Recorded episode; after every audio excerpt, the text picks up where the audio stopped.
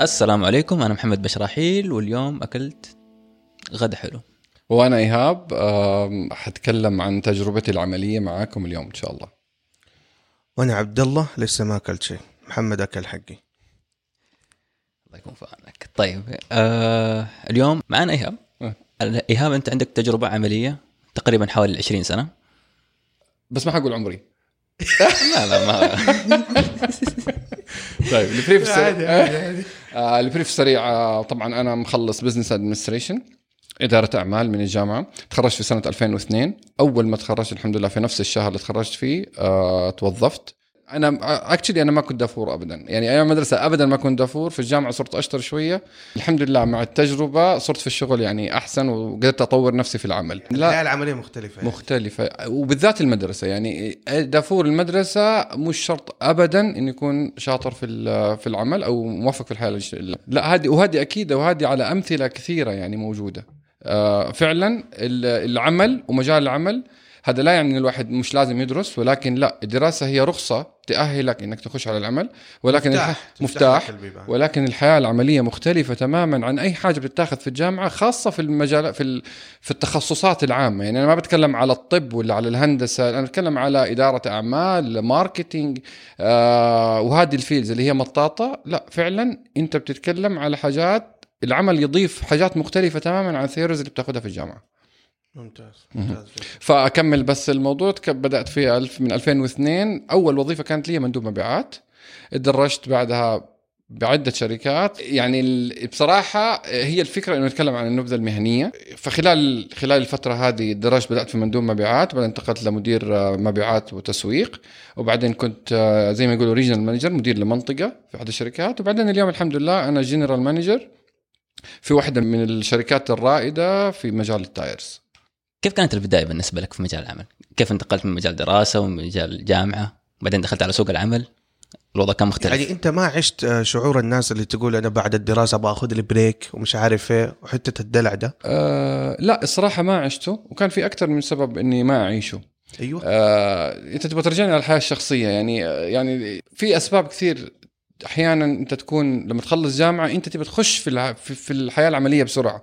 تبدأ تبدأ تبغى تبدأ تسوي دخل لنفسك تبغى تبدأ تستقل بغض النظر عن الأسباب. اللي الناس الناس تبغى تسوي مشروعها وناس تبغى تتزوج وناس تبغى بغض النظر الناس تبغى تساعد أهلها. بغض النظر إيش كان السبب ولكن هي الفكرة إنه يكون في عندك هدف إنك تبدأ تبغى تبدأ لأنك أنت تحس إنك أنت لما تخرجت من الجامعة خلاص أنت قطعت الحاجة الصعبة ورايح على حاجة أسهل. لأن أنت خلصت أخذت الرخصة فأنت تبغى تسوق. يا سلام. بالضبط. فهمت؟ أنت قاعد تتدرب على الرخصة لك 10 سنين خمس سنين ثلاث سنين أربع سنين بغض النظر إيش الرخصة. بس لو فرضناها رخصة قيادة قاعد تاخذ classes classes classes عشان تركب ورا الدركسون أيوه. فأنت تبغى تركب ورا الدركسون بسرعة. أنت حتى ما تبغى تكون co-pilot ما تبغى تجلس جنب السواق. أنت تبغى تركب تسوق على طول. فلا بصراحة وأنا ماني مع إنه واحد يريح. هي التريح ما له مكان في يعني مش في هذه الفترة. يعني ممكن واحد يريح بين آه، بكالوريوس وماستر آه، ممكن يريح بين وظيفة ووظيفة. okay يلاقي شغل تاني فيقول لك بريح شهر ولا شهرين من الوظيفة وبعدين أرجع أتوظف. ولكن لا في هذه الفترة أتخيل أنا عن نفسي لا على طول أبغى أشبك على طول في عمل عشان أبدأ أترجم اللي أنا تعلمته على أرض الواقع. في أي وظيفة؟ آه لا أكيد مش في أي وظيفة. في ناس تكون في أي وظيفة. آه الظروف أحيانا تدفعك لوظيفة أنت ما تبغاها ولكن الأكيد الأكيد الأكيد إنه ما في يعني أنا أتخيل وهذا رقم من عندي لا يتجاوز 10% الناس اللي تشبك في وظيفة هي تبغاها بعد الجامعة. في المجالات العامة أنا بتكلم. طبعا دكتور الأسنان أكيد حيروح دكتور أسنان. قد يكون يروح مهندس آه، ميكانيكا مثلا لهندسة في مجال ثاني ممكن قد تحدث. يعني أنا أتذكر في أيام ما توظفت في شركة tires آه، كان معايا زميل لي آه، ومخلص من جامعة الملك عبد العزيز آه، هندسة صناعية وبنشتغل نفس ال position مندوب مبيعات في ال tires. آه. yes. فأنت اليوم أنا اللي أقول لك هي 10% more or less هم الناس اللي بتشتغل في, في وظيفة. هي تبغاها أول حاجة. ويعني لا يمكن لو هي في التخصص يمكن تكون النسبة أعلى. بنتكلم عن 30 40% بتشتغل بيشتغلوا في تخصصهم. ولكن الباقي لا طبعا لأنك أنت في هذه اللحظة الناس معظم الناس تدور على فرص عمل زي ما قلنا تسوق على طول تبغى تشبك على طول في الوظيفة لأنها تبغى تثبت لنفسها إن خلاص هي جاهزة للشغل. هذا يعني أنا أكبر انتقاله في الحياة هي الانتقال من الدراسة للعمل. يا سلام. هذه أكبر نقلة في الحياة. أنت من واقع تجربتك. إيش اللي يفرق ال- ال- الأمور ال- الجوهرية مثلا أو الرئيسية بين الحياة الدراسية والعملية في أول تجربة عمل؟ إيش تحس أنت؟ تجربة العمل مختلفة تماما عن الدراسة. مم. تجربة الدراسة في معظم الأحيان يا أنت دافعها يا ماخذها مجانا. فأنت بتسوي حاجة بفلوسك أو بتسوي حاجة ببلاش بالنهاية. فأنت متحكم فيها. يا سلام. لما تخش على أي وظيفة في البداية أنت داخل على environment أو على بيئة على بيئة مختلفة تماما. أنت ما عندك control فيها.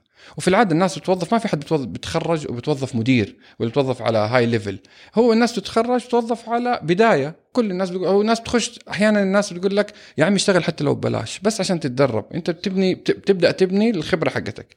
فبالتالي لما تخش لا هي مختلفة تماما أكيد. التحديات مختلفة الصعوبات مختلفة الناس التعامل معك مختلف. يعني أنت في الجامعة تتعامل مع أصحابك ومع سواء كانوا شباب أو بنات تتعامل مع دكاترة الجامعة تتعامل مع دراسة وعلامات تواصل تذاكر تنزل 12 ساعة تنزل 15 ساعة تنزل صيفي حاجة مختلفة تماما. أنت عندك دوام اليوم وانس إنك أنت وقعت عقد وداومت أنت صار عندك دوام. أنت ملتزم تداوم 8 ساعات إذا مو أكثر أنت ملتزم تجتهد أكثر ملتزم تجهد مخك أكثر ملتزم أنت مجبر تبني تحقق نتائج وأهداف. exactly أنت تحقق نتائج على على المستوى العملي ومجبر كمان تبني علاقات أنت ما أنت بحاجتها. يعني أنت اليوم أنت مضطر تستخدم ذكاء اجتماعي وعاطفي ما كنت مضطر تستخدمه في الجامعة. في الجامعة تصاحب اللي تبغاه ما تصاحب اللي تبغاه. أو في في الحياة in general تحت تحكمك. بس أنت اليوم تنحط في environment أنت يمكن أخي مديرك ما أنت طايقه. زملائك جنبك في ال partitions جنبك أنت مش على وفاق معاها. وهذا طبيعي طبيعة البشر. الناس مو كلها زي بعض. يعني هذا لا يعيبك ولا يعيبهم. أنتم ما اتفقتوا ببساطة. ال references مختلفة أو الم- المرجعية حقتك والثقافة حقتك مختلفة عن ناس كثيرة حواليك. فهذه هي أكبر تحدي. أكبر تحدي كيف تقدر تتعامل وتتقبل, وتتقبل الحياة الجديدة. الحاجة البيئة الجديدة والحياة الجديدة لأنه المتطلبات حقتها مرة مختلفة ويبغى لها جهد مختلف. لما أقول جهد مختلف لا يعني إنه أنت يبغى لك تروح حامل سيفك وتبغى تحارب الناس هذول اللي حيكونوا ضدك لأن أنت العكس تماما. 100% أنت حتحصل ناس ضدك ما هم على مزاجك. وناس ويدوك على راسك. ويمكن أيوه وممكن ناس حاسين إنك أنت جيت أخذت مكانهم ولا مكان صاحبهم اللي مشوه الشركة فجابوك أنت مكانهم. فأنت ما تعرف إيش الخلفيات. الفكرة هنا إنك أنت كيف تقدر تتعامل بذكاء إنك تبني علاقات مع هذول الناس كيف تقدر تتعايش في هذه البيئة وزي ما يقولوا هاو يو كان ادابت يعني كيف تقدر تتبناها وتتأقلم معاها وتصير أنت عضو فعال فيها. أهم حاجة تصير عضو فعال فيها لأنك أنت اليوم ما تقدر تعيش تقول أنا خلاص ما لي دخل في أحد حروح دوامي وأرجع. أنا ضد هذه المقولة تماما. يعني أنا والله أروح أبغى أسوي شغلي وأروح وما وما لي دخل في أحد. ما حتقدر ما حكلم أحد. أنا قبل ما أجي لما محمد كلمني آه كلنا مرنا بتجارب وظيفية. آه واحدة من النصائح الخالدة اللي أنا دائما أقولها لأي أحد في المجال الوظيفي لابد يكون لك تكتلات داخل آه، منطقة العمل. إذا أنت ما أنت منتمي لأي تكتل يا حيتاكل حقك يا حتتلطش من الكل.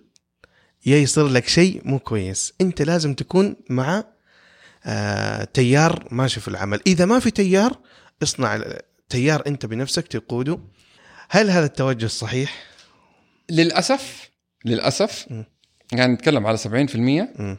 قد يكون صحيح للأسف. للأسف ولكن في بيئات العمل الطبيعية مم. أو علميا واقعيا هو المفروض إنه ما يكون أنت موجود. أدائك والبرفورمانس حقك هو اللي يعطيك حقك صح تمام فاللي يتعب لازم ياخذ حقه نعم ودائما في كلمة معهودة وحتى أبوي دائما كان يقول لي هي من أنا وصغير يقول لك الحظ هو مقدار الجهد المبذول يا سلام. يعني أنت قد ما تتعب حتجي لك فرص وهذه وهذا طبيعي يعني هذا هو الطبيعي ولكن للأسف في عالم من الشركات طبعا في عشان كذا أنا قلت رباطية. ولوبيات كثير. الذكاء عشان كذا. أيوه بس هنا هنا هنا دور الذكاء الاجتماعي اللي أنا يعني في مقولة يقول لك أن تكون محبوبا أحسن من تكون عظيما أفضل من أن تكون عظيما. فأنت هنا هي هذه الفكرة أنت ممكن تروح في تكتل وممكن أنت تكون نيوترال زي ما يقولوا أو على حيادية وتنأب النفس عن جميع التكتلات ولكن أنت مش مش عدو. انتبه إيه. أنت يعني مو لازم أنت لو ما رحت في تكتل أو ما رحت مع أحد وهذا اللي بديت فيه أنا. إنك تكون عدو لهذا لهذه الجماعة أو لهذا الشخص أو لهذا التكتل. أنا ماني عدو بس أنا ماني مع وهذه على فكرة وبتحصل وتحصل معانا وحصلت في شركات واللي يقول لك ما تحصل أصلا خطأ. أنظمة ال- ال- الكرة الأرضية والدول الواقفه. في الحياد. موجودة أيوة. هذا هذا أيوة. هذا قرار تقدر ولكن تتخذه. أنت الحياد أنا اليوم يعني زي ما يقولوا لا ضرر ولا ضرار أي. اليوم أنا ما أبغى أخش أنا اليوم إذا التكتل هذا حيأذي ناس تانية لا أنا أكيد ما حكون فيه وأنا فعلا هذا كلام مش تنظيري هذا كلام فعلي يعني أنا التكتل أحس إنه في ضرر على ناس تانية أو ضرر حينعكس سلبا على المكان اللي أنا بشتغل فيه؟ لا يعني يا أنا أترك يا أبعد عن التكتل بأي طريقة بذكاء اجتماعي وعاطفي. آه ولكن لو هذا التكتل لا فعلا يفيد وينعكس في مصلحة الشركة وما في ضرر على أحد. مش غلط اني مش غلط إني أكون آه، جزء منه. ولكن أرجع اكد هي الشغلة في الذكاء الاجتماعي. وهي الشغله كيف تكسب الناس انت اليوم لازم كيف يعني تصير مورينيو في العمل إنك تداري آه ال- الفريقين بالضبط. والمسارين بالضبط. وت... يعني تمشي معاهم. تقدر. تشاريهم على فكرة وهذا ينعكس على حاجة حنتكلم عليها كمان شوية في المستقبل لأنك أنت اليوم في هذه البيئة وفي هذه الشركة في بداية حياتك الوظيفية أنت ما تعرف بعد عشر سنين مين من هدول الناس حيكون معاك بالضبط في ناس منها حتكون مدراءك وانت حتكون مدراء ناس من هدول الناس خاصة لو فضلت في نفس ال field. يعني أنا اليوم لأني اشتغلت في نفس ال field أو في نفس القطاع اليوم أنا في ناس بدأوا معايا إحنا بدأنا سوا. كوظائف مناديب مبيعات. في فترة من الفترات مرينا إنه كانوا هم مدرائي. لأني أنا أصغر منهم في العمر كانوا هم عندهم خبرة أكثر مني. وفي فترة من الفترات كنت أنا مديرهم. وفي فتره من الفترات كنت أنا زبونهم اللي بشتري منهم. فهي هذه فأنت اليوم يعني لا. ال position في في العمل ما هو ثابت عادي. ما لا ما هو ثابت. عشان كذا أنت لازم تحافظ على العلاقات يا لأنك سلام. مع الوقت تكتشف هذا الموضوع. الواحد لما يدخل في بدايه ال career أو في بداية الحياة الوظيفية ما يستشعر هذه الأهمية. أنا مخلي بند العلاقات هنا لحال سيبه أوكي. شوية. ما يستشعرها. فانا فهي فهذه هذه مرة مهمة. يعني هذه مرة الواحد لازم يفكر فيها. يبغى يفكر زي اليوم إحنا كنا في المدارس. كلنا خبصنا في المدارس كلنا عملنا أخطاء في المدارس. ولكن مين يصدق إن اليوم أنا أصحابي اللي في المدرسة قبل 30 سنة هم اليوم أنا بقابلهم وبجلس معاهم. فكل حاجة بتسويها وهذا اللي نعلمه لأولادنا. أنت اللي بتسويه اليوم في مدرستك هذول الشباب اللي معاك والبنات اللي معاك الصغار هذول هم اللي حتكبر حتلاقي نفسك أنت مكان وهو في مكان بيشتغل ويمكن تشتغلوا نفس المكان. صحيح. بالنسبة لنا كبداية حياتنا الوظيفية كيف ممكن زي ما نقول بالنسبة لنا نندمج أكثر أو كيف إنه نحول مثلا آه، علاقة اللي هو أنا أكون متلقي للمعلومات مثلا في الجامعة إلى علاقة إنه لا أنا هنا لازم أعطي. يمكن هذا الشيء يرجعني ورا شوي بس إنه كيف إني أنا لازم مطلوب مني إني أعطي في العمل. مثلا بناء على كل الخبرات اللي أنا عندي سواء آه، دراسية أو عملية. يعني أنا أنا أنا معلش حتستخدم كلمة career اللي هي ال- ال- ال- المها... الوظيفة. يعني أو ال- يعني أيوه في, في نهاية في, في, في بداية ال career حق كل شخص آه وكلنا مرينا في هذه المرحلة. إنه يركز أكثر على إنه يستفيد. لأنك أنت اليوم إنك تحط إنك تعمل add value هي الفكرة فين؟ أنت متى تقدر تكون محبوب؟ متى لازم تكون عضو فعال عشان الناس تسمعك. فأنت لازم عندك قيمة لا مضافة. قيمة مضافة. أنت لازم تضيف حاجة. فأنت في البداية لما تخش أنت ما عندك القدرة. فأنت لازم تنمي مهاراتك. أول حاجة مهاراتك عن ال product اللي أنت بتشتغل فيه أو عن المنتج اللي أنت بتشتغل فيه في الشركة أو عن عن الخدمة اللي أنت بتشتغل فيها في الشركة هذه عن اللي أنت على على صميم العمل زائد أشياء related لهذا الموضوع. من هنا تبدأ أنت تنمي علاقاتك ومن هنا تبدأ تعمل إضافة وتبني علاقات مع الناس. ومن هنا أصلا الناس تعطيك وجه. صح صح. ومن هنا ومن هنا تبدأ تتحول لشخص محبوب لما تكون مفيد لما تصير معطاء تحول لشخص محبوب وبالتالي تنقبل على higher level ك manager مثلا أو supervisor تبدأ الناس تقبلك. فهنا يبدأ تطورك. فأنت من هنا هذه الخطوة البسيطة إنك أنت كيف تقدر تتعامل مع الناس كيف تقدر تضيف لنفسك وبعدين تبدأ تضيف للناس اللي حواليك. تبدأ مشوارك للتطور الوظيفي. ولكن في نقطة مرة مهمة ولازم أقول عليها وقال لي هي واحد من ال... من أفضل ال- المدراء اللي مروا علينا. أو كنت متخرج وبشتغل شهرين أو ثلاثة. قال لي أنت مرة كويس وعندك قبول مرة كويس وأنت لك مستقبل. ولكن في حاجة أنت تيجي على المسؤوليات وتوخر عنها. يا أنت تخاف منها يا ما تبغى تشيلها. أنا حنصحك نصيحة اليوم. خذ المسؤولية لأنه لما تأخذ المسؤولية هي اللي حتعطيك ال added value أو القيمة المضافة اللي نتكلم عليها. فأنت هي اللي راح تدفعك إنك تطور نفسك. هي حتدفعك تطور نفسك وهي حتوري الناس إنك أنت شخص مسؤول وحتى لو غلطت. حتى لو أخطأت. أو حتى لو سويتها بطريقة مش صح 100% ولكن لما يشوفك ال- top level من ال management إنه في أحد بياخذ مسؤوليات ما بيطالعوا في الخطأ اللي صار قد ما بيطالعوا على الحاجة الكويسة. لأنه كل حاجة في النهاية زي كاسة الموية. فيها جزء مليان وجزء فاضي. أحيانا النص المليان أكبر أكثر أو ال- الكمية المليانة أكثر وأحيانا أقل. فبالتالي أنت تدور إنك تعبيها بأحسن طريقة. عشان كذا المسؤولية لا أنا أنصح كل أحد. طبعا مش واحد يروح ياخذ مسؤولية ما يفهم فيها فيروح يضيع الدنيا ولكن لما تجيك مسؤولية على نطاق في نطاق وظيفتك لا تتجاهلها. يعني لا لا تحاول تلحف أحد فيها وتعتبر نفسك شاطر إنك أنت والله باصيتها لصاحبك. شيلها. هذه واحدة من الخطوات في. السلم الوظيفي اللي مستقبلا حتوصل فيها. حتى لو كانت بسيطة وحتى لو كانت ورطة تورط الورطة واسهر ليلتين ثلاثة عليها. وتلام عليها مو مشكلة. وحتى لو اضطريت إنك تنلام عليها حتتعلم منها أنت والناس ما حتنسى لك هي. أنا اليوم كمدير أنا أدور على الناس هذه. أنا هذه الناس تعني لي. اللي يشيل مسؤولية يقول لك أنا أحلى حاجة عندي لما أطلب حاجة يقول لي أنا أسوي لك ال report. أنا أصمم ال Excel sheet على حسب المتطلبات. خلاص سيب الموضوع عندي أنا أتواصل مع الناس. هذول أهم ناس. ما ي... بعد كده ما يهمني لو كان في غلط 10 20% في ال report أنا ما عندي مشكلة. أنا أبغى صورة نقولها ل owner أبغى صورة نقولها ل partner أنا أبغى حاجة على level أعلى. فالغلطة البسيطة هذه ما تعني لي كثير. أو التقصير البسيط. أنا تركت الوظيفة من شهرين استقلت. هذه واحدة من الأشياء اللي دائما دائما في المكان اللي أنا كنت فيه أي حاجة مرجعيتها عبد الله. أي حاجة. هذا مو شطارة مني لكن عندك قابلية وقدرة إنك تتحمل مسؤوليه لأنه تحمل المسؤولية هي اللي بتطلعك فوق. انسى انسى. المدير ما يجي في باله أحد يخلص له الشغلة الفلانية إلا فلان. شيء فلان فلان فلان. أنت تكون ال... يعني آه، المفتاح السحري. وهذه اللي بأكد عليك أنت لأنك أنت من من النقطة هذه أخذتك على نقطة مرة مهمة. م. من المسؤولية رحت على إنه الناس تعتمد عليك. طبعا. فالاعتمادية انت اليوم في في كتاب اللي هو القوانين ال 48 للسلطة إذا ماني غلطان. واحدة منها يقول لك دائما خلي الناس تعتمد عليك. انت في أي وظيفة واحدة من الت... من قواعد ال 48 إنك تخلي الناس تعتمد عليك.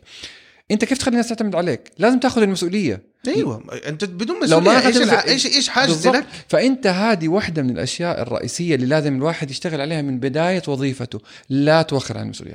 مقابل تحملك المسؤولية عندك فرصة إنك تتعلم وتجرب من غير ما أحد يلومك. صحيح. مرة ما حد يلومك صحيح. لما تغلط لما في البداية. تتحمل مسؤولية. أيوه. سواء الآن أو بعدين. أنت تحملت مسؤولية okay. تقدر تغلط من غير ما تنلام. ه- طبعا طبعا هذا بسبب هذا بسبب إنه أنت already زي ما تقول you did your homework أنت already اشتغلت بم... يعني بذلت كل أيوة. مجهودك من الألف إلى الياء أيوه لكن لو بذلت يعني 90% من مجهودك لا حتتلام على 10% ليش ما أنت لا غطيتها أنت هنا مو أنت هنا لازم نفرق إحنا هنا نقول الخطأ موجود أيوة. ولكن هذا لا يعني التقصير أيوة. أنت اليوم أيوة. لما تاخذ المسؤوليه أنت لازم تقوم فيها على أكمل وجه أنا اليوم لما يجي واحد أنا لو جاء مديري على سبيل المثال قال لي تعرف تشيل الموضوع هذا ولا ما تعرف مم. أو تقدر ولا ما تقدر لو قلت أقدر ما في ما في لا تتراجع. ما في باب للفشل. خلاص. ما في نفس للفشل. انت حتشيله حتشيله. خلاص. انت ما في انت تجتهد فيه للآخر.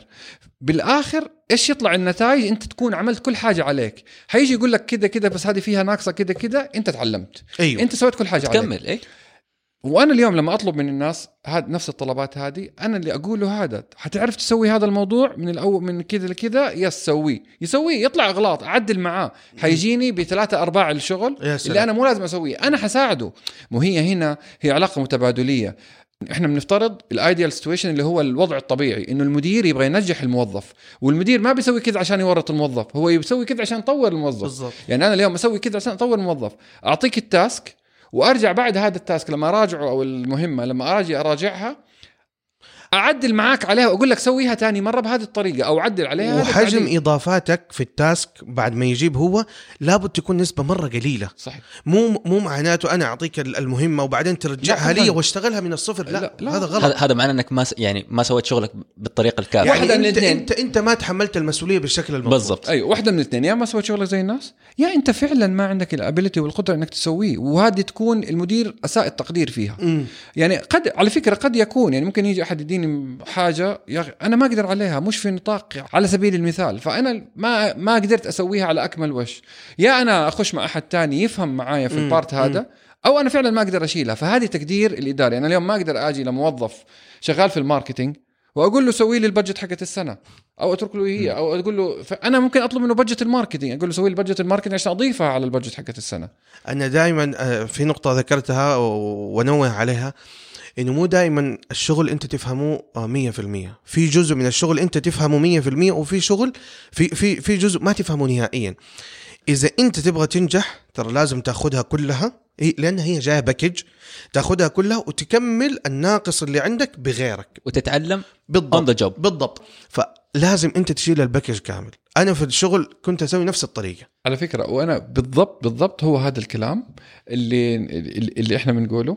آه وبالضبط كنا بنتكلم أنا والاخ محمد قبل قبل ما نبدأ على إنه أنت كيف أحيانا تبدأ في حاجة أنت ما أنت جاهز. أنت لا تستنى تكون جاهز. أنت you will never be ready خش. زي ما أنت تفضلت أنت جاهز ب 70 80% أنت ال 20% هذه حتيجي مع ال practicing. حتتغطى. أنا في كل حاجة على فكرة أفترض هذا الموضوع.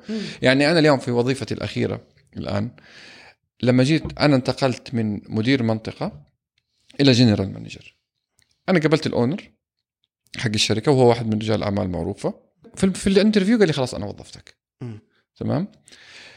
فالفكرة في الموضوع إنك أنت اليوم خ... أنا أخذت ال risk هذا أنا فكرت فيه واستخرت فيه وفكرت فيه كثير وأنا نقلة نوعية تعتبر ولكن أنا أخذتها. ليش؟ أنا عارف إني أقدر أسويها. بالضبط. في 20 30% كنت أجلس أولها في كنت, عندك أرضية كنت أجلس في. meetings حقت budgeting وكذا أنا على فكرة ما كنت فاهم حاجة مسوي نفسي فاهم. وأنا ماني ماني فاهم كل حاجة طبعا. ما في أحد يكون فاهم كل حاجة. أنا قاعد مع finance بالضبط. فأنت اليوم حتى اللي حتى اللي هم يعني اللي موجودين في هذا ال position ما هم فاهمين كل حاجة. فلا تفترض إنه أنت ناقصك خطوة عشان توصل لهذه أو ناقصك حتة توصل فيها. ويمكن عشان كذا دائما معك زملاء. أيوه. لا معك. لا غير أنت اليوم حتتعلمها. في أي. أنت وأنت بتسبح حتتعلم حركة جديدة. بس اليوم كيف. تخرج الحركة نفسك؟ الجديدة هذه بس اليوم كيف تخرج نفسك؟ إذا أنت في الاجتماع هذاك وانسالت كيف تخرج نفسك فيه؟ آه في طرق كثير لمخرجة النفس. okay. مرة- مرة- وابسط طريقة إنه خلينا بس آه، أحتاج اراجعها وأرجع لكم. okay. يعني بس ببساطة شديدة يعني وبدون كذب أو تمثيل في أرقام لأنه أنت بتتكلم على أرقام. فأنت أحتاج أراجع وأرجع لكم. وهي مش صعب. يعني قصدي إنه في الموقف هذا إنه مثلا والله عندنا الشغلة الفلانية أنا ماني فاهم فيها شيء فأنت لا أنت ما تقول ما أنت فاهم لا. أنت أنت بينك وبين نفسك إيه. إنه أنا ماني فاهم في الشغلة هذه اذا أنا ما أقدر أعطي الآن قرار فتقدر تقول أنت. أنت هو هي some الفكرة إحنا بنتكلم هنا إنك أنت ما أنت جاهز وأنت في طريقك للجهوزية أي. أيوه أنت بتجهز نفسك أنت أنت بتجاد تشتغل على إنك بالضبط. تكون جاهز بالضبط أنت مش سايب نفسك غير جاهز وروح دخلت أي، بعد لا. ما أنت. جاهز لا هي الفكرة زي ما قلت لك بالضبط. هذا إنك بتودي نفسك واحد جاك. برا وماخذك مشوار مرة مهم وأنت قاعد تزرر الثوب وأنت نازل على الدرج فعادي حتوصل على السيارة مزرر. أيوه. فهمت علي؟ فحتوصل إن أنت حتوصل أمورك جاهز. في السليم. on time زي ما وصلت أيوه أنا أيوه on time يعني on time حتى يعني شوية بس أنت حتمشي الأمور. أيوه حتمشي الأمور. وهذا كمان نفس الكلام أقول اللي يبغى ينتقل من وظيفة لوظيفة. اليوم أنا كنت في وظيفة مندوب مبيعات قررت إني أغير اني, إني أنا لازم خلاص يعني أنا قلت لازم أطلع على ال manager level. بعد في السنة الرابعة أربعة ونص كذا كانت. أغير. بعد الرابعة قلت أبغى أنتقل ل managerial level خلاص. دورت دورت دورت حصلت field مختلف تماما تماما تماما. جاني position sales and marketing manager. قلت بس هو ده. مدير مبيعات مدير وتسويق. مبيعات وتسويق. قلت هو ده من مندوب مبيعات.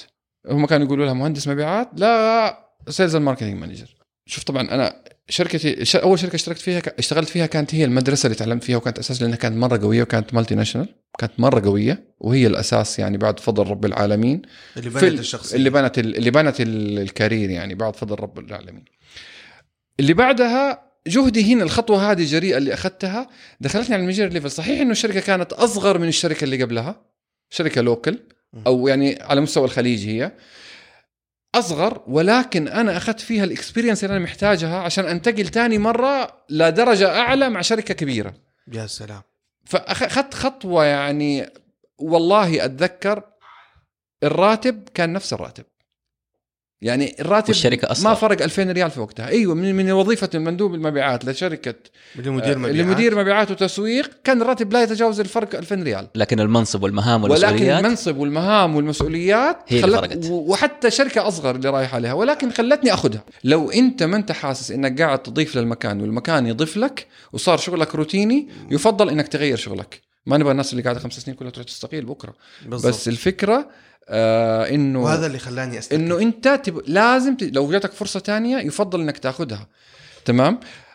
أنا التوزيعه ما كانت بهذه العق... العق... يعني خمسة ستة سنين كانت. لا والله خمسة ستة سنين تقريبا كانت التوزيعه بين الشركات. مم. فهي يعني مش م- فهي عددها مش كثير. ولكن لما لما قررت أغير وأنتقل هذه الانتقالة من الوظيفة هذه للوظيفة هذه كان يعني حاجة تغيير كبير. فعلا تغيير كبير. عمل لي إضافة خلاني أستفيد وقدرت أنتقل لدرجة أعلى. أنت اليوم تيجي تسأل كل الموظفين تقول له إيش إيش تبغى تكون بعد سنة أو سنتين؟ يقول لك بصير مدير. أنا اليوم في مكان كل الموظفين اللي مش مدراء عندي يبغوا يصيروا مدراء. آخر السنة في آخر كوارتر وقت الأسسمنت والتقييمات أنا بصير مدير. أنا ما صرت مدير أنا لي خمس سنين في الشركة ما اصير مدير.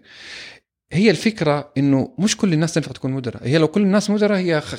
إحنا ما ما, ما ينفع. موظفين فأنت أيوه فأنت اليوم ما, ما نبغى الناس كلها يكون طموحها إنها تكون مدير في ناس ناجحة في أماكن تانية وفعلا هي مبدعة في أماكن تانية. صحيح. يعني فهي شغلة إنك أنت يكون اسمك مدير هي مش هي هذه أعلى حاجة في الحياة. أنت مو لازم تكون مدير عشان تكون ناجح. مم. أنت تقدر تكون ناجح وأنا يمكن قلت قصة قبل كذا. في واحد من الزملاء جاء استقال من عندنا وقال أنا رايح وهو مدير عندنا على بوزيشن أعلى.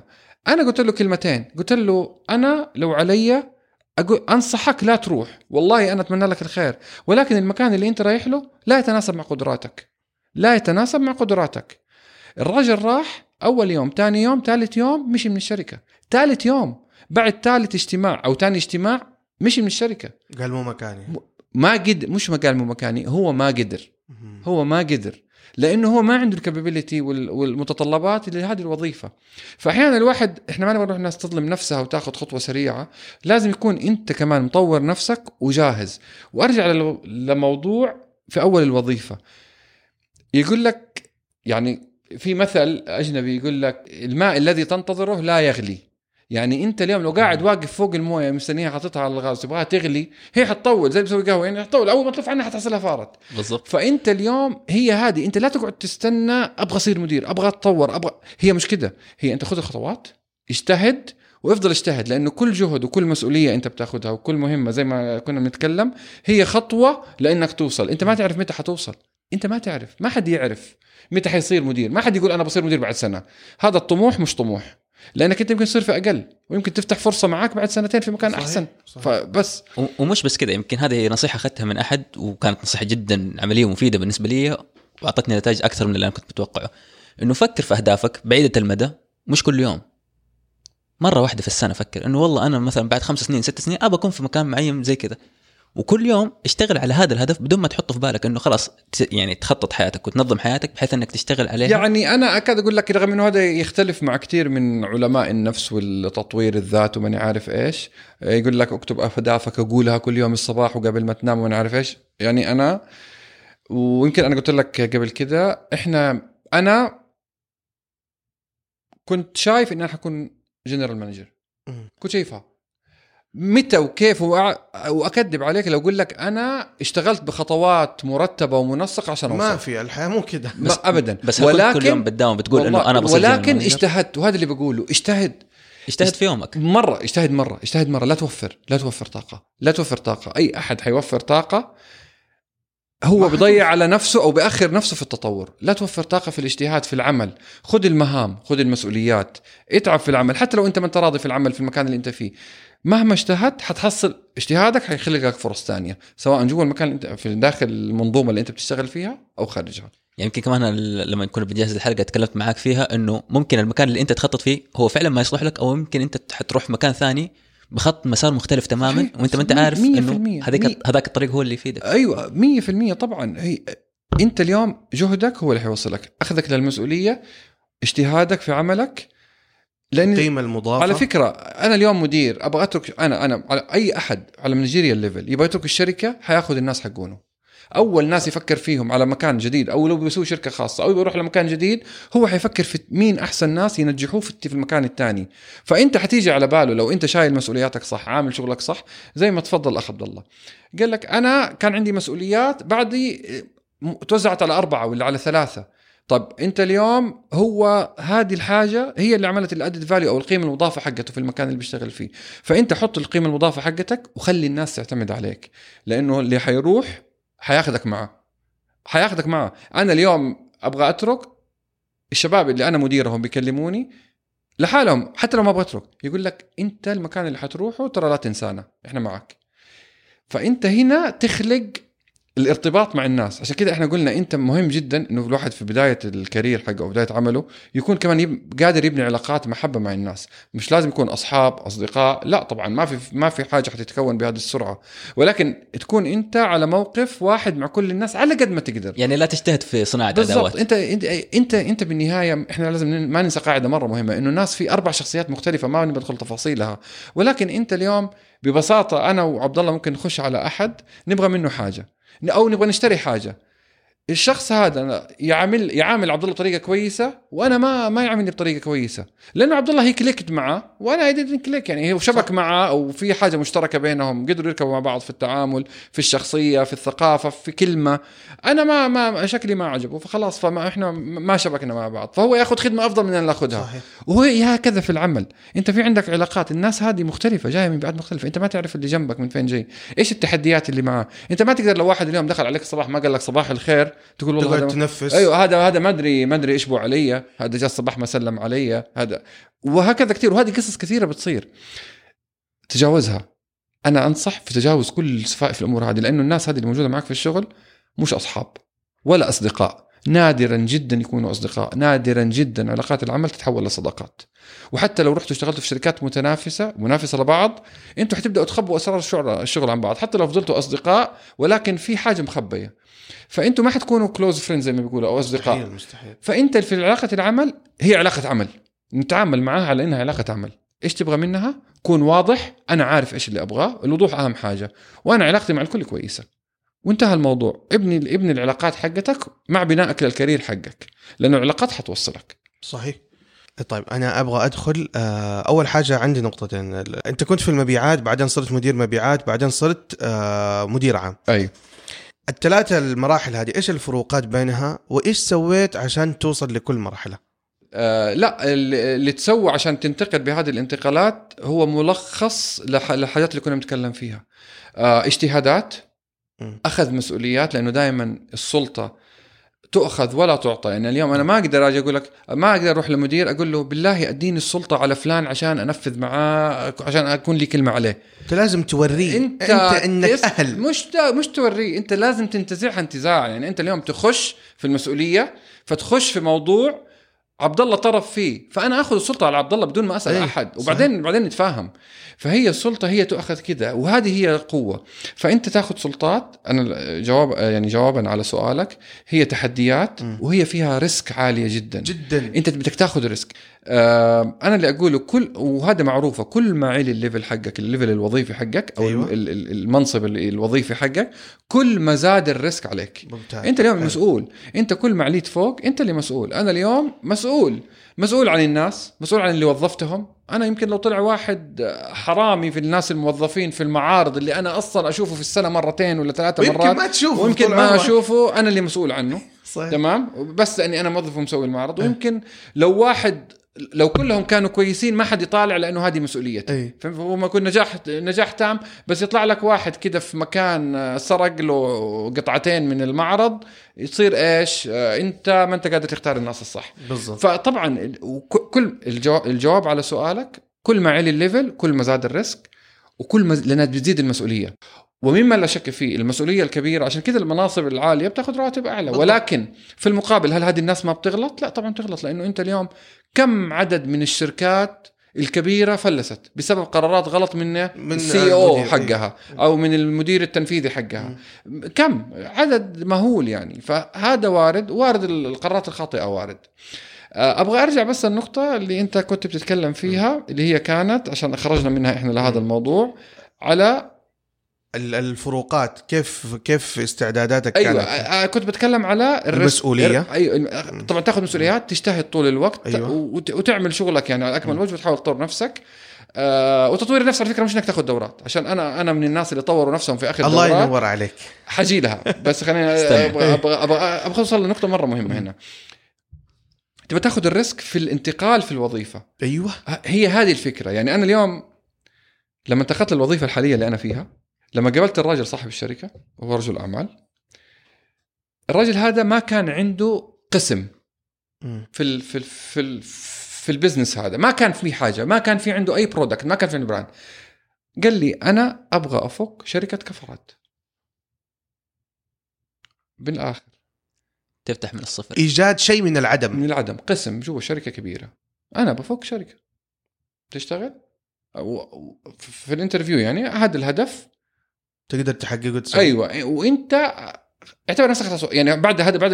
يعني في نهاية المقابلة قال لي خلاص وظفت يعني أنت معنا. فأنا قلت له إيش المتطلبات؟ طبعا كانت تفاصيل كثيرة في, في, في خلال المقابلة الثانية. آه قلت له إيش المتطلبات؟ كيف نبغى نسويها؟ إيش الوقت؟ إيش اللي نشتغل عليه؟ قال لي خلاص. هنا ريسك أنا تخرجت من مكان آمن في العمل غامرت وأنا وهذا مش يعني انه كل الناس لازم تغامر هذه المغامرة. غامرت أخذت risk رحت على مكان ما في product ما في حاجة نسويها. إيجاد أنت بتبدأ من إيجاد. الصفر. أنت اليوم أنت بتتكلم على شركة فيها أكثر من 100 موظف. على قسم فيه أكثر من 100 موظف. كانت صفر. فهو أنا اللي بقوله ونفس الحاجة لما انتقلت من وظيفة مدير آه، مندوب مبيعات لمدير آه، تسويق مبيعات وتسويق. كمان نفس ال risk. أنا رحت في field مختلف تماما يعني من من اليمين لليسار. في بس عشان أتعلم. فهذه هذه التجارب. المغامرات اللي ربنا وفقنا فيها هي اللي تعمل الفرق وهي اللي وتضيف لمخزونك. وتض... طبعا طبعا اليوم طبعا طبعا. وهذه هذه اللي تضيف وهذه يعني هو دائما يقول لك لازم الواحد يغامر لازم الواحد يغامر لازم الواحد يغامر. حتى في ال business الخاص لازم الواحد يغامر. إيه. هذه المقولة اللي دائما تنقال. فأنت ب... في risk؟ أيوه في risk. ما في ما, ما ما في شك ما في شك. حتكمل وحتاخذ على راسك وتتعلم صح. أمورك. لازم. قلبك يكون حديد. صحيح. تقعد تخاف على وظيفتك وتسيب يعني آه صعب. يعني شوف هو الخوف آه، يعني هو الخوف موجود. طبيعي. هذا طبيعي. هو طبيعي هو جداً. الشعور الطبيعي هو الخوف. زي ما العقل يقول لك يعني في مقولة تقول لك العقل إحنا ربنا أعطانا العقل مش عشان ننجح. عشان نعيش. يعني إحنا نستخدم عقلنا عشان نعيش ونخزن طاقاتنا ون- ونسوي الأمور الطبيعية في الحياة ناكل ونشرب ونرتاح. العقل يساعدك على البقاء. أنت يبغالك تشتغل على هذا العقل وترهقه في التطوير عشان تنجح. صحيح. يعني أنت لأنه كل لو كل الناس بتستخدم عقلها للنجاح كل الناس نجحت. بس لازم تعصر بس شوي. انت إيه لازم تعصر. اشتغل. يعني أنت تحتاج تشتغل تشغل عقلك تستخدمه للآخر تتعلم حاجات جديدة تستفيد حاجات جديدة تشغله شغل شغل أماكن ما هي شغالة فيه.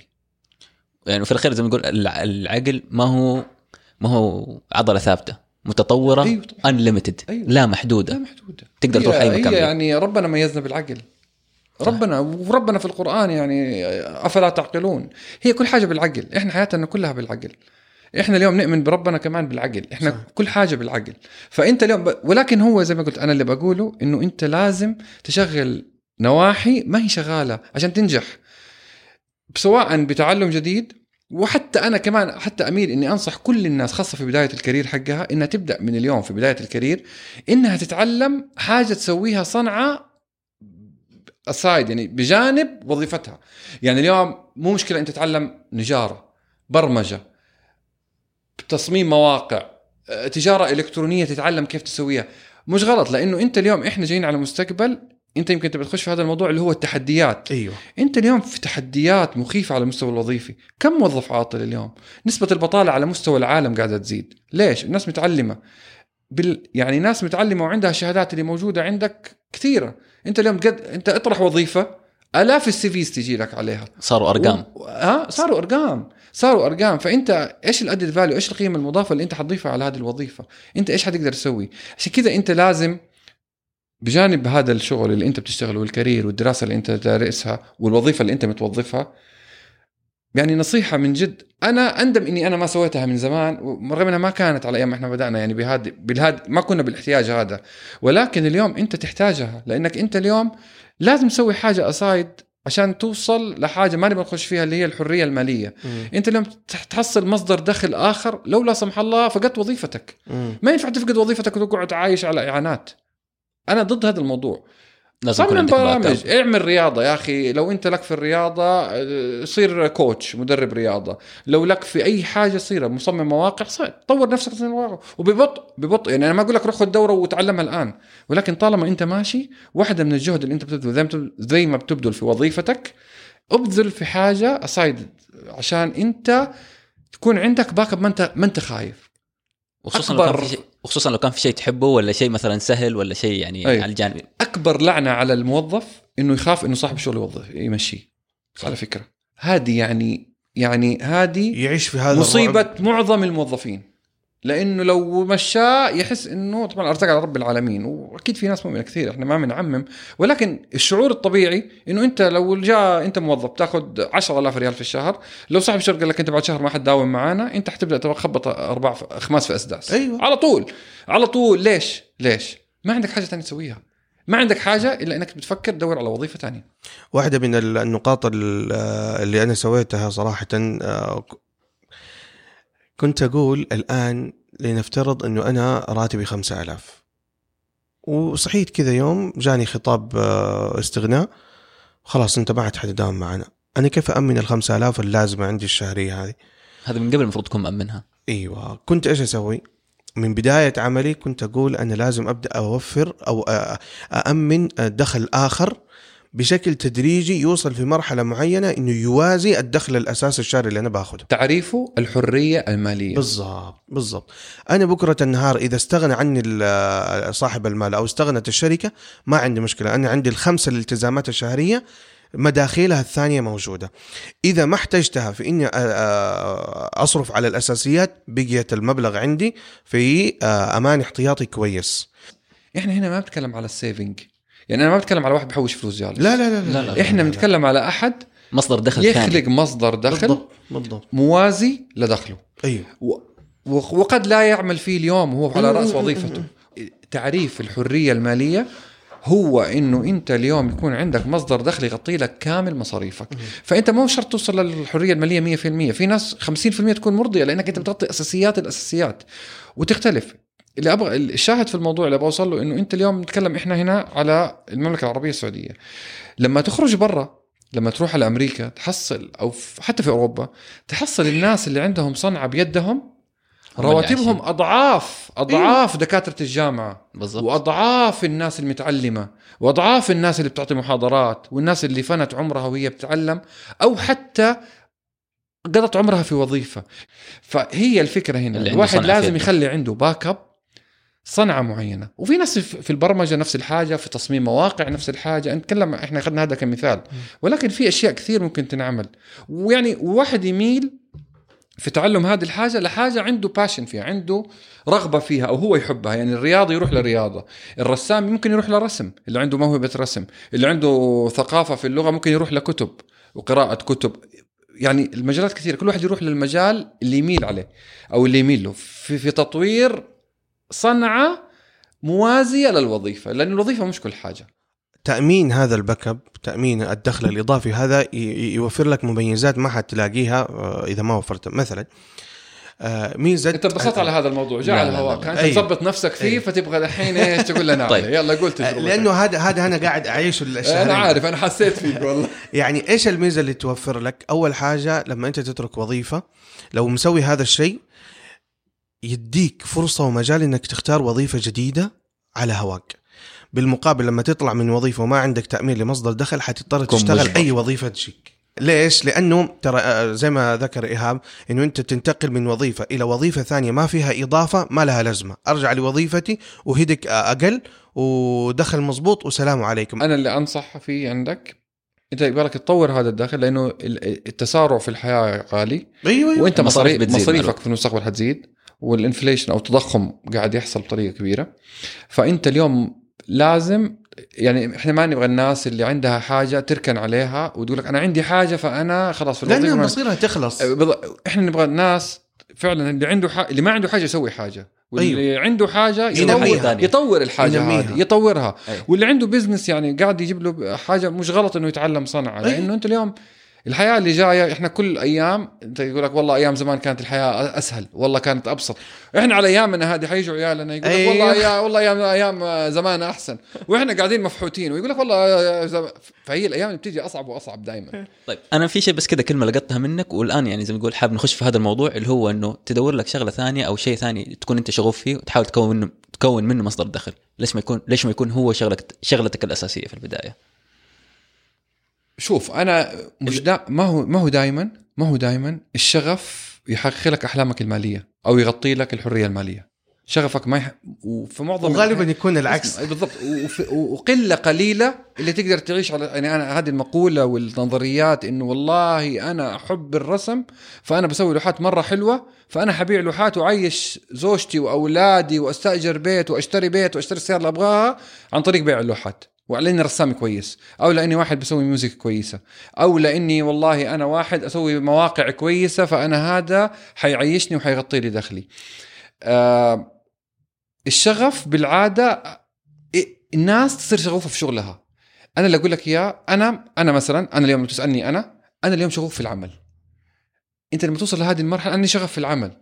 عندي شغف عندي شغف يعني أنا في مثلا العمل هذا ولا في العمل بشكل عام؟ أنا تحولت للعمل بشكل عام يعني أنت أوكي. اليوم لأنك أنت لو أنت فعلا حسيت في النجاح أنت حيصير عندك شغف في العمل. الحاجة اللي تنجح فيها يجيك شغف منها. هذا لا يعني إنه أنت يعني أنت ما ترسم لو عندك هواية الرسم وتعمل منها حاجة.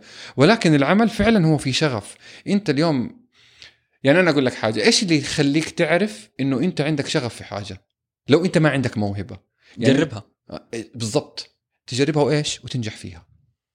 لو نجحت فيها أو لو حسيت في بارقة أمل للنجاح أنت حيفرض أنت حيبدأ الشغف يتصاعد عندك. في الحاجة هذه اللي أنت شايفها أنت حبيتها طبعا لازم تكون في البداية أو تقبلتها وبدأت تنجح فيها وتطلع فيها. حيبدا عشان كده أنا لما نجحت لما بدأت أنجح لما أقول لك جيت على شركة زيرو واليوم 8 9% من من حصه السوق في السعودي في إحنا عندنا فأنت تتكلم على حاجة تطور مرة كويس في ست سنين. واقل من ست سنين. فهذا هو الشغف. الشغف هو الحاجة اللي تخليك تصحى الصباح أنت فعلا تبغى تسويها. اللي تخليك في الليل قبل ما تنام تفكر أنا إيش عندي بكرة عشان أنا أروح أسويها. اللي تخليك تصحى الصباح بدري وتروح المكتب أول واحد. تروح الشغل أول واحد عشان تحضر إيش تبغى تسوي في اليوم. واعذرني على تطفلي بس ممكن أقول الآن لو قالوا لك مثلا الشركة اللي خلاص خذ راتبك بس اقعد في البيت. والله ما أقعد. بس. ما حنقعد. لا لا مستحيل. ما اقعد مستحيل. لا لا طبعا ما اقعد هنا مع إنه في هنا. لازم نفصل بين حاجتين. بين الشغف ما له دخل في الفلوس. ابدا. أنت لما أي. تبدأ لأنه اليوم أنت لو شغله في فلوس معناته أنت اليوم اللي تكلمنا عليهم suite Cs أو في, في, في, في الإدارات العليا في, في الشركات. اليوم المفروض هدول عملوا حاجة تأمنهم لمستقبلهم ومستقبل عيالهم. صح. فالمفروض إنه ما يشتغل. هل يقدر؟ لا طبعا ما يقدر. مستحيل. متعة يا أخي. لا، لا فيها شيء كذا ما- تدفع. أقول لك يعني أنا. أنا عمري يعني أنا كل واحد يحب يرتاح تمام؟ بس فعلا راحة العمل مختلفة الراحة في العمل. فيها راحة نفسية شوي. فيها راحة هي هي الراحة في العمل. أنت اليوم البني آدم زي ما قلنا المخ محتاج إنك أنت تشتغل محتاج تشغله محتاج إنك أنت يوم تكون في mood آه، يعني سلبي يوم تكون في mood إيجابي يوم آه، تشد مع واحد يوم ترخي مع واحد تشوف ناس تعيش حياة اجتماعية تعيش حياة محتاج إنك تربح وتخسر. محتاج إنك تعرف هذه القيمة. يعني محتاج إنك أنت تعرف هذه الحاجة. محتاج تعرف إنه في في زائد وفي ناقص في الحياة. إحنا بطبيعتنا إحنا محتاجين كأشخاص. أنا ما بقول حاجة زائد في حياتي. يعني أنا اليوم لو أنا عندي فلوس وعندي بيوت وعندي كل حاجة طب أنا إيش قاعد أسوي؟ إيش قاعد أسوي؟ يعني انت اليوم عشان كده انت في حاجات انت تنميها وكل ما نميتها أكثر كل ما انت صار عندك فيها شغف أكثر وكل ما شفت نجاح فيها تعبت لما تتعب على الحاجة تنبسط عليها. انت اليوم أنا مثلا كنت أحب أركب دبابات وأنا صغير مثلا. مم. فنيجي ننقز النقزة في الدباب الصحراوي هذا مثلا من من مطب واطي. والله طرنا الطيره هذه تعال نروح لواحد أعلى نعيدها. صارت passion صار في حاجة مختلفة. وكذا في الشغل إحنا بدينا بديت في الشغل ما هو زي أي موظف بيبدأ ال career حقه دوام روتين. بس بعدين لما تجتهد لما تلمس أول نجاح بس تلمس تجيك اللذة كذا هذه هي. هذه. خلاص ما تقدر توقفها. والله ما حتسيبها. ما تسيبها. والله ما زي اللي حتسيبها. ينجح في business أنت اليوم زي اللي يدخل على business يسوي business وينجح فيه. ممكن يفلس. اللي يفلس هذا أنت تحسب إنه سوى business وفلس. لو جاته فلوس ثاني مرة ما حيرجع يسوي حول والله يدخل. أول واحد بيده. ورجوله ليش؟ بيده ورجوله حيدخل. فهو هذا هو ال passion فال passion هو يجي من هنا. أنت الأشياء اللي تمارسها وتنجح فيها تصير passion أنا حقول مثال بسيط قبل ما ننتقل من هذا الموضوع. أنا مثلا صلاة الفجر على سبيل المثال. أنا كان عندي معاناة في الصح- في الصحي على صلاة الفجر. كنت أقطع الفجر. يوم أصحى يوم ما أصحى. يوم أصحى ويوم ما أصحى. قعدت أشتغل قرأت مرة في كتاب حاجة عن app اسمه sleep cycle معروف. أو sleeping cycle تمام؟ أنا ما كنت أعرفه. هذا الكلام قبل أربع خمس سنين. نزلت واشتريته. هو طبعا ينشر أظن 36 ريال أو حاجة كذا يعني مش مش غالي كذا. ونزلته تحط التليفون جنبك يصحيك التليفون في وقت اللي أنت ما أنت غاطس في النوم زي ما يقولوا. ما أنت جوا النوم في كثير. سمعت عنه ولا لا أنت؟ فالمهم اشتغلت عليه. أصحى وما أصحى وأصحى وما أصحى. قعدت فعلا سنة سنتين في معاناة في الحرب أص- ده. أيوه أصحى ولا ما شد. أقوم ولا ما أقوم؟ ومرة أقوم ومرة أقوم. مرة أسهر في الليل يجي خميس يجوا الشباب في الليل نخرج خرجة في البحر رحنا على البحر سهرانين. ما ما, ما أصحى انام الساعة 2 3 خلاص واحد يطفي. لين يعني أنا بتكلم اليوم مش على موضوع الصلاة كصلاة ولكن أنا بتكلم على كيف أنت تعمل عادة فعلا تصير تحبها. أنا اليوم ما أقدر ما أصحى الفجر. أنا عن جد أنا يعني أنا قبل يعني الحمد لله صرت ملتزم في صلاة الفجر في المسجد. اليوم اليوم اللي ما أصحى فيه وأروح هذه الصلاة والله يا جماعة إني أنا أكون متضايق بطريقة مش طبيعية. كأني خسران مبلغ كبير يعني ما بديت صح. ما بدي صح. لأنه أول ربح بالنسبة لك في اليوم ما اخذت أيوه يعني هي أنا ما هنا ما بتكلم دينيا أنا مش بتكلم دينيا كيف الواحد معنويا. أيوه معنويا. أنت خلاص أنت عملت حاجة نجحت فيها واصلت عليها تعودت عليها صارت passion عندك. ص- صارت هي ال passion فهمت علي؟ صارت أي. صارت الروحة فاكر لما الناس. كنا نقول إنه في في الجامعة إذا جبت A plus في أول term ما تبغى تنزل عنه؟ بالضبط. أيوه طبعا. عندك الدافع إنك هو تستمر فوق. ال bench حيصير ال bench حقك عالي. هذا المعيار هو عندك. المعيار هو هذا ال standard. ال standard عالي فأنت يعني دائما ال standard عالي. فخلاص الحين يعني الحمد لله يعني ما في شهرين ثلاثة أفوت مثلا تفوت مني صلاة صلاتين فجر أنا بتكلم. آه، ما يعني فعلا تحس في نفسي مرة رغم إنه الناس اللي حواليا خلاص مش مشكله انت صليت في البيت مثلا؟ بس هي خلاص صارت تحولت ل passion وهكذا على ال business على العمل وزي كذا على الوظيفة عشان كذا في ناس عندها هوايات و passion. بس أكيد أكيد أكيد مش كل الناس حتقدر تحقق الحرية المالية من الأشياء اللي تحبها. هذا أكيد. طبعاً. عشان كذا أنت لازم عشان كذا أنا قلت لازم تحصل حاجة aside وظيفة حتى لو ما تحبها. يعني حتى لو أنت حاجة ما تحبها أو هي دور على حاجة لك أقرب لك لا لا. أقرب لقلبك يعني. أنت أنا بتكلم على الصنعة يعني. إحنا في عندنا حاجتين صنعة وبدك تعمل business استثمار أو دخل. الصنعة هذه خليها side نجارة حدادة حاجة كذا تحبها. يا أخي تفصيل ملابس. أي حاجة أي حاجة حاول تنمي نفسك فيها حتى لو أنت مش يعني عندك passion كبير فيها. أو ممكن أقدر يعني أضيف على كلامك من كلامك اللي هو إنه ممكن يكون عندك passion فيها أو شيء أنت تعرف له. أيوه. شيء ما أحبه بس أعرف له. آه، بالضبط. اللي تعرف له هذا نمي على نميه نميه على الآخر. أي حاجة تعرفها. أي حاجة. يا جماعة ما في أحد بيشتغل يعني قليل الناس اللي تشتغل حاجة تحبها. إحنا لازم لازم نكون عارفين يعني أنت اليوم لو تيجي تعمل إحصائية يعني تحصل أغ- معظم أغ- الناس أغلب الناس بتشتغل عشان تأمن رواتبها ومصاريفها. بالضبط بالضبط بالضبط. أنا بروح الشغل عشان باخذ يعني أنت اليوم تبغى. تقنعني إنه الراجل آه، ومع الاحترام للجميع آه، على أوطى ليفل ما ما نبغى نذكر وظائف معينة ولكن في أي وظيفة تخطر على بالك كوظيفة دنيا. إيه. آه، هل أنت متخيل إنه هذا الراجل مبسوط؟ لا طبعا. أكيد لا. ابدا. أكيد لا أكيد لا. وعلى فكرة وفي العكس صحيح هل تتخيل أنت إنه كل الناس المدراء اللي هم عليهم ضغوطات ومسؤوليات وأرباح وخسائر ومستقبل عوائل تحتهم لو في خسرت الشركة الناس كلها حتتقفل الشركة فالناس تمشي. هل تخيل إنه هدول الناس مبسوطين؟ لا أو طبعا في قمة السعادة؟ لا طبعا. هم عايشين في تحدي. بس التحدي في ال- الباشن هذا هو أنت اللي تخلقه في التحدي وفي النجاح. أنت تسعى للنجاح والباقي على ربنا وخلاص. نبغى نتكلم على جزئيه العلاقات آه، في الوظيفة أو في في في قطاع العمل آه، والمهنة وقد إيش هي مؤثرة آه، في حياة الإنسان مهنيا تمام؟ إيش كيف تكون علاقات وكيف تستثمرها وتنميها وكيف هي أصلا تفيدك في في المجال هذا؟ وقبل كل شيء بس يعني ممكن نعرف إيش يعني علاقات لأنه لها تعريف شوي مختلف بين الناس. مو انت هنا العلاقات هي هي يعني خلينا نقول مجموعة روابط أو أو هي رابط تربطك مع أي شخص آخر بس أقصد إنه هل مثلا والله أنا عندي علاقة مع فلان معناه إني أنا كل يوم ب... لا لا أنت العلاقات بتقدم معاه. هي درجات العلاقات أنت بتتكلم على درجات العلاقات على أيوة. درجات وأنواع مختلفة أنواع. في أيوة، العلاقات بالضبط فهي في درجات مختلفة وفي أنواع مختلفة ممتاز. للعلاقات okay. تمام ممتاز.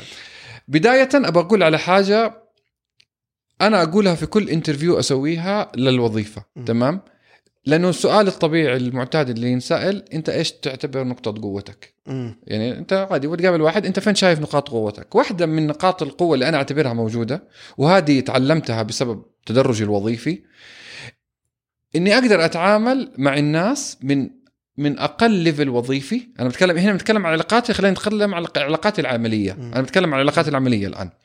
من أقل level وظيفي أو من أقل مستوى وظيفي سواء كان tea boy أو عامل في الشركة لغاية أحد صاحب منظومة أو مؤسسة بطريقة كويسة أقدر أسوي معاه علاقة فيها. فاليوم هذه واحدة من نقاط القوة حقتي.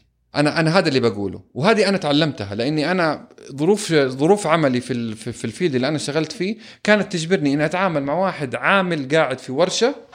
وبس أخلص من عنده كان لازم أدخل على صاحب الشركة أو على المدير العام حق الشركة. عشان اعطي له تقرير عن اللي أنا شفته عند العامل هذا.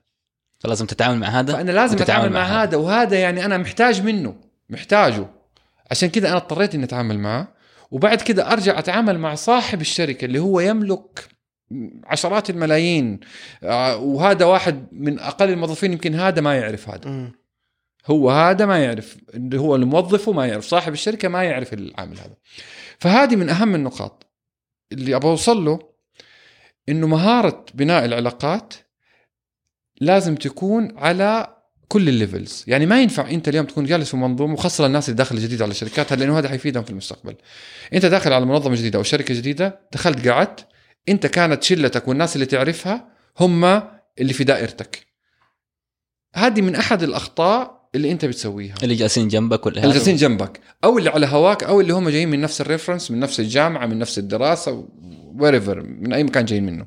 فهذه نقطة رئيسية أنت أي أي أحد يحتاج يشتغل عليها إنه كيف يقدر يسوي يوسع نطاق العلاقات أول حاجة إحنا نبغى نوسعها ونبغى نخليها علاقة زي ما يقولوا neutral لا أنا أبغى أخليها علاقة قريبة مرة ولا أبغى أخليها علاقة بعيدة فالناس كاشة من بعض أو زي ما تفضلت حضرتك في البداية أنا أكون في حزب برا هذا أيوه. الحزب.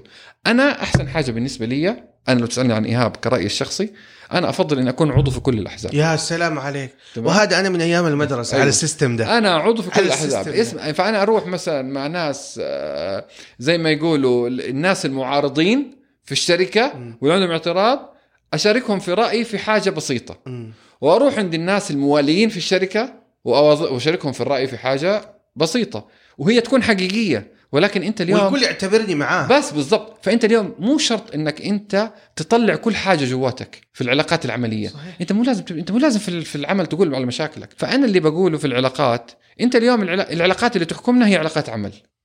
أنا معك في العمل. انت أنا ما يهمني انت إيش. أنا اليوم في علاقة عمل. خلص لي شغلي؟ اخلص لك شغلك ننجح الشركة كل واحد ياخذ راتبه آخر الشهر وإحنا كلنا ننجح. نسلم الطلبات في المواعيد والمركب طيبة. بالضبط والمركب يعدي. أيوه. وما؟ يمنع إنه الواحد يمزح مع زملائه لا، وكذا يعني هذا الوضع الحبي طبعا ما يمنع ابدا. أصلا ما حتقدر ت- ت- تكون علاقة وإذا أنت مكشر لا 24 هذا لا. يعني أنا اللي بالعكس أنا اللي بقوله أنا أشجع على هذا الكلام في في الشغل. يعني بالعكس أنا أشجع على بناء العلاقات في الشغل. هو الفكرة أي. التشجيع على بناء العلاقات بطريقة إيجابية. تمام؟ وبطريقة إنك تكون عندك علاقة مع كل الناس ومع كل ومع كل الليفلز أو كل ال- التدرج الوظيفي. يعني اليوم أنت مو شرط تكون علاقتك بس مع أنت اليوم تشتغل مثلا data analysis محلل بيانات وعندك ثلاثة أربعة بيشتغلوا معك. أنت اليوم مو شرط بس هذول ثلاثة أربعة لازم مدراءك ومدراءهم وناس تحتكم مش غلط. يعني اليوم مش غلط حتى إنك تكون مع ال tea boy في علاقة كويسة. مع هي هذه هي هذه المنظومة اللي تخلق لك نجاح مستقبلي. وما يمنع إنه حتى في قسم ثاني في الشركة في قسم طبعاً- بعيد. طبعا. يعني أنت اليوم سلام عليكم السلام أبسط حاجة تعرفك على الناس. أيوه. فأنت دائما هو ال... هي المبادرة. هي أنت اليوم أنت لازم تكون عارف إيش تبغى. أنت عارف وانت عارف نفسك طبعا وهي تحتاج ثقة كثيرة لأنه معظم الناس اللي ما تحتك ممكن يكون عندهم نقص في الثقة. إحنا ما نعرف إيش الخلفيات. ولكن هذا لا يعني وهذا في ناس مقفل على نفسها ما تبغى تسوي علاقة مع أحد فأنت اليوم ما تقدر تسوي معه علاقة. أيوة. ولكن لا يمنع انك صباح الخير مساء الخير خلاص وخلصت الموضوع هنا. عشان كذا معظم الناس في العمل أنا مثلا يجي يقول لي والله تعرف أنا بعد ما عرفتك أنا ما كنت عارف إنك كذا قبل كده أنا أول ما شفتك ما كنت عارف إنك كذا. هو مش عارف إن أنا كذا مش عشان أنا مش كذا. مش عشان أنا عشان أنا مش عشان شفت غير عشان. هو كان منغلق على نفسه. أنا أنا زي ما أنا. أنا باجي وأنا ما تغيرت. أنا في مكاني. أنت اليوم قررت تنفتح قررت تأمن لي قررت ما تأمن لي قررت. تتعاطى معايا قررت ما تتعاطى معايا. شفتني أنا ب- ب- ب- بمنظور معين في ليفل معين أنت بالنسبة لك في مقياسك هذه عندك. أنا مع الكل على نفس على نفس المسطرة. الكل يكون واعي. أنت لما لما خاصة الناس اللي تتخرج وتروح هو مو رايح يعمل أصحاب زي الجامعة. اللي داخل على شركة يا جماعة ما هو داخل على عزيمة. أيوه. ما هو داخل على ولا أهل. أيوة بالضبط. ولا داخل على نادي. ولا داخل يتعشى في مكان ويمشي. هو هذه حياته الجديدة اللي هيتعايش معاها. في ناس لازم تكون العلاقات بينهم على على نفس البعد. مم. تمام؟ في ناس تقرب أكثر تبعد أكثر ولكن ما في ناس قريبة مرة. إلا ما ندر. طب الناس اللي موجودة لها خمس سنين مع بعض أنت داخل جاي دوبك متخرج جامعة. أنت تحسب نفسك حتصير من هذه الشلة؟ والله مستحيل. أيوه انت هم حيقعدوا يمتحنوا فيك سنتين عشان يتأكدوا أنت ولائك لمين ويسحبوك عند المدير هذا. لا طب أنت ولا ترى انتبه ترى من هذا ترى هذا م... و... وكلامهم يطلع غلط. وكلامهم ممكن يطلع غلط.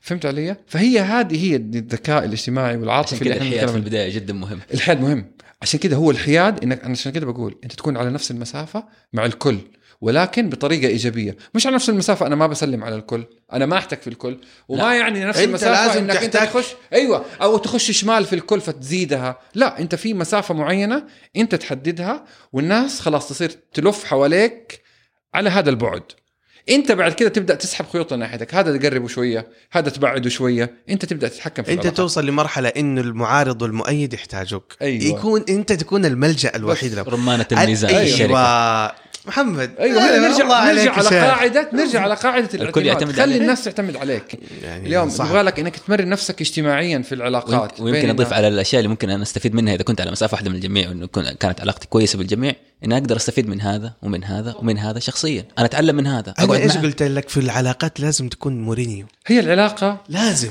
لازم والعلاقه أي علاقه أي علاقة ما فيها فايدة للطرفين هي مش علاقة. طبعا. العلاقة فايدة للطرفين فأنت زي ما حضرتك تفضلت أنت تبغى لك تستفيد وهو لازم يحس إنه بيستفيد من علاقاته معك لأنه هي الدنيا هذه العلاقات في مصالح. مشتركة ومتبادلة فأنت لازم يكون في مصلحة مشتركة اللي هي في العمل وفي مصالح متبادلة أنت تفيده زي ما تأخذ لازم حاجة، تقدم. زي ما تأخذ بالضبط. فهي وهي هذا نوع العلاقات في كل حاجة في كل حاجة هي هذه العلاقات. اليوم أنت هل أنت هل يعقل أنت تصدق إنه أنا مثلا ممكن أفضل أعطيك أعطيك أعطيك أعطيك وأنا ما أبغى؟ منك حاجة؟ ولا أستفيد منك حاجة؟ إلا محتاج تطلبني في أيوه. بالضبط. بالضبط يعني هي هذه هي هذه الفكرة خاصة على مستوى العمل. يعني ممكن أنت في الحياة العادية أوكي عادي تسويها ولكن على مستوى عمل مع صديق مع أحد حبيب مع أحد من العيلة تسويها. ولكن أنت في في مجال العمل لا يا عمي أنت في النهاية في منظومة عمل. أنتوا يجمعكم شركة منظمة محل كشك تروحوا عليه وتمشوا منه. انتهت العلاقة. بكرة أي واحد منكم ممكن يختفي. بكرة بكرة يروح على شغل ثاني. يا أخي عدد الناس اللي يسألون عنك بعد ما تترك الوظيفة الأولى يعدون على الأصابع. واحد اثنين بس. ثلاثة انكترت. يا عمي انت أول ما. تستقيل. مش أي. مش لما تتركها. أي. أنت لو استقلت قبل ما تمشي. أيوه. الناس. حتحصل نفسك آه، حتعدي من الممر ما آه، حتسلم آه، عليك. خسرت ثلاث ارباع العلاقات العملية. عشان خلاص. كذا معظم الشركات والشركات الكبيرة يعني ومعظم ال- ال- المanagement بتشتغل على إنها تعمل حاجة اسمها team building اللي هو كيف تبني علاقات الموظفين مع بعض.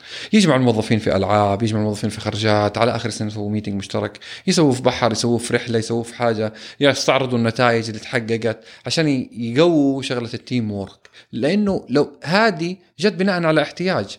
فالاحتياج هذا هو هذه العلاقات. هم يبغوا يقووا العلاقات يبغوا يحسنوا العلاقات فبيسووا حاجة اسمها team building إيش العلاقات اللي تخليك مثلا تاخذ وظيفة جديدة؟ يعني واحد يقول لك مثلا فلان كيف أخذ العلاق... ال- الوظيفة الفلانية؟ يقول لك بالعلاقات. آه لا إحنا مرة مختلف الموضوع. أنت بالعلاقات حاجة مختلفة. العلاقات اللي هي الواسطات. مش قلنا- مش واسطات قد ما إنه يعني أنا معارف. لو- أيوة، لما شوف. جيت عشان كذا أنا في البداية وفي بداية الحديث إذا بتفتكروا قلت حاجة. أنا قلت إنه هدول الناس اللي أنت بتبدأ معاهم اليوم في سنة أولى وظيفة وسنة ثانية وظيفة أنت ما تعرف بعد 20 سنة فين حتلاقيهم. وأنا أقول لك عن تجربة شخصية. أنا من الناس اللي كنت أشتغل معاهم. كنا نقعد على طاولة واحدة كده مناديب مبيعات. في من هدول الناس ناس صارت مدراء علي وفي ناس أنا صرت مدير عليهم وفي ناس صرت أنا زبونهم. صحيح. فأنت عشان كذا أنت اليوم عشان كذا لازم تكون علاقاتك كويسة مع كل المحيط ووسعها على قد ما تقدر. زي ما كنا نتكلم جوا الشركة جوا القسم حقك جوا الشركة حتى على مستوى المنافسين. كن على علاقه كن على علاقه بطريقة صحيحة مع الكل. لأنه هذه العلاقات هي اللي حتساعدك بعدين بفضل رب العالمين طبعا. هي اللي حتجيب هي لك وظائف. جديدة يا عم بس أنت هذه اللي تفتح هذه اللي تفتح لك آفاق جديدة. وأحد اشتغل معاك وعارف إنك أنت شغيل هذا الكلمة حياخدك. إنه أقول لك حياخذك على طول. لأنه زي ما قلنا هو الوا... أنا اليوم أبغى أخرج على شركة تانية في ناس معينة أقول هدول ال team حقي هدول العمود الفقري حق الشغل بعدين أبني ال team. إيهاب إيهاب أنا أنا أنا أنا واحدة من اللقاءات اللي رحتها. آه، صاحب العمل قال لي ترى أنا عندي مشروع أبغى أسوي زي كذا وأحتاج فيه تيم. والله يا جماعة ب- لا شعوريا لا شعوريا آه، قال لي ال- ال- المشروع هذا فيه له أربع أقسام. هو يتكلم يتكلم يتكلم يقول لي قسم المالية وأنا أثناء كلامه جاء في بالي واحد تلقائيا. أبو سعود موجود. موجود موجود يا شيخ. في المبيعات حمادة موجود. في في ال- التحاليل والأمور مش عارف اللي تحتاج دراسات. فلانة موجودة كلها موجودين. أن أنت في بال الناس. العلاقات هذه تخليك أنت في بالهم. عمرك لا تجامل أصحابك على حساب مصلحتك. يس لا تجامل أصحابك على حساب مصلحتك. فلازم تكون انت واعي لهذه الأمور. والمواعيد. وما ترشح أحد إلا وأنت متأكد إنه حيبيض وجهك أيوه طبعا أنت اليوم فما أنت ما تقدر أنت أنت فشل الأحد هذا هو فشلك. بالضبط. بس سواء فوقك أو تحتك. يعني أنت اليوم ما أنت حتى لو حبيت على ال long term حتنكشف. أنا بتكلم على بيئة العمل الصحية إنك تبغى إنتاج وتبغى تقيس عندك مقياس للنتائج. أنت اليوم في النتائج لما تطلع نتائج مش كويسة على واحد أنت موظفه. يا عم أنت واحد ما تعرفه وتوظفه وتطلع نتائجه مش كويسة تتحاسب عليه. فما بالك لو كنت تعرفه. محاسبه double هنا. بالضبط. إيه. أنت فأنت اليوم محسوب عليك يعني سواء على يقول لك والله صاحبك والله من عيلتك والله من بلدك والله ماني عارف إيش. كل هذا فيك فيك. طبعا. أنت هذه لأنه وقت وقت الفشل أنت لازم الناس تدور على شماعات أيوه. خلاص. إحنا طبعا الآن كل هذا الجزء كنا نتكلم عن العلاقات داخل العمل. طيب.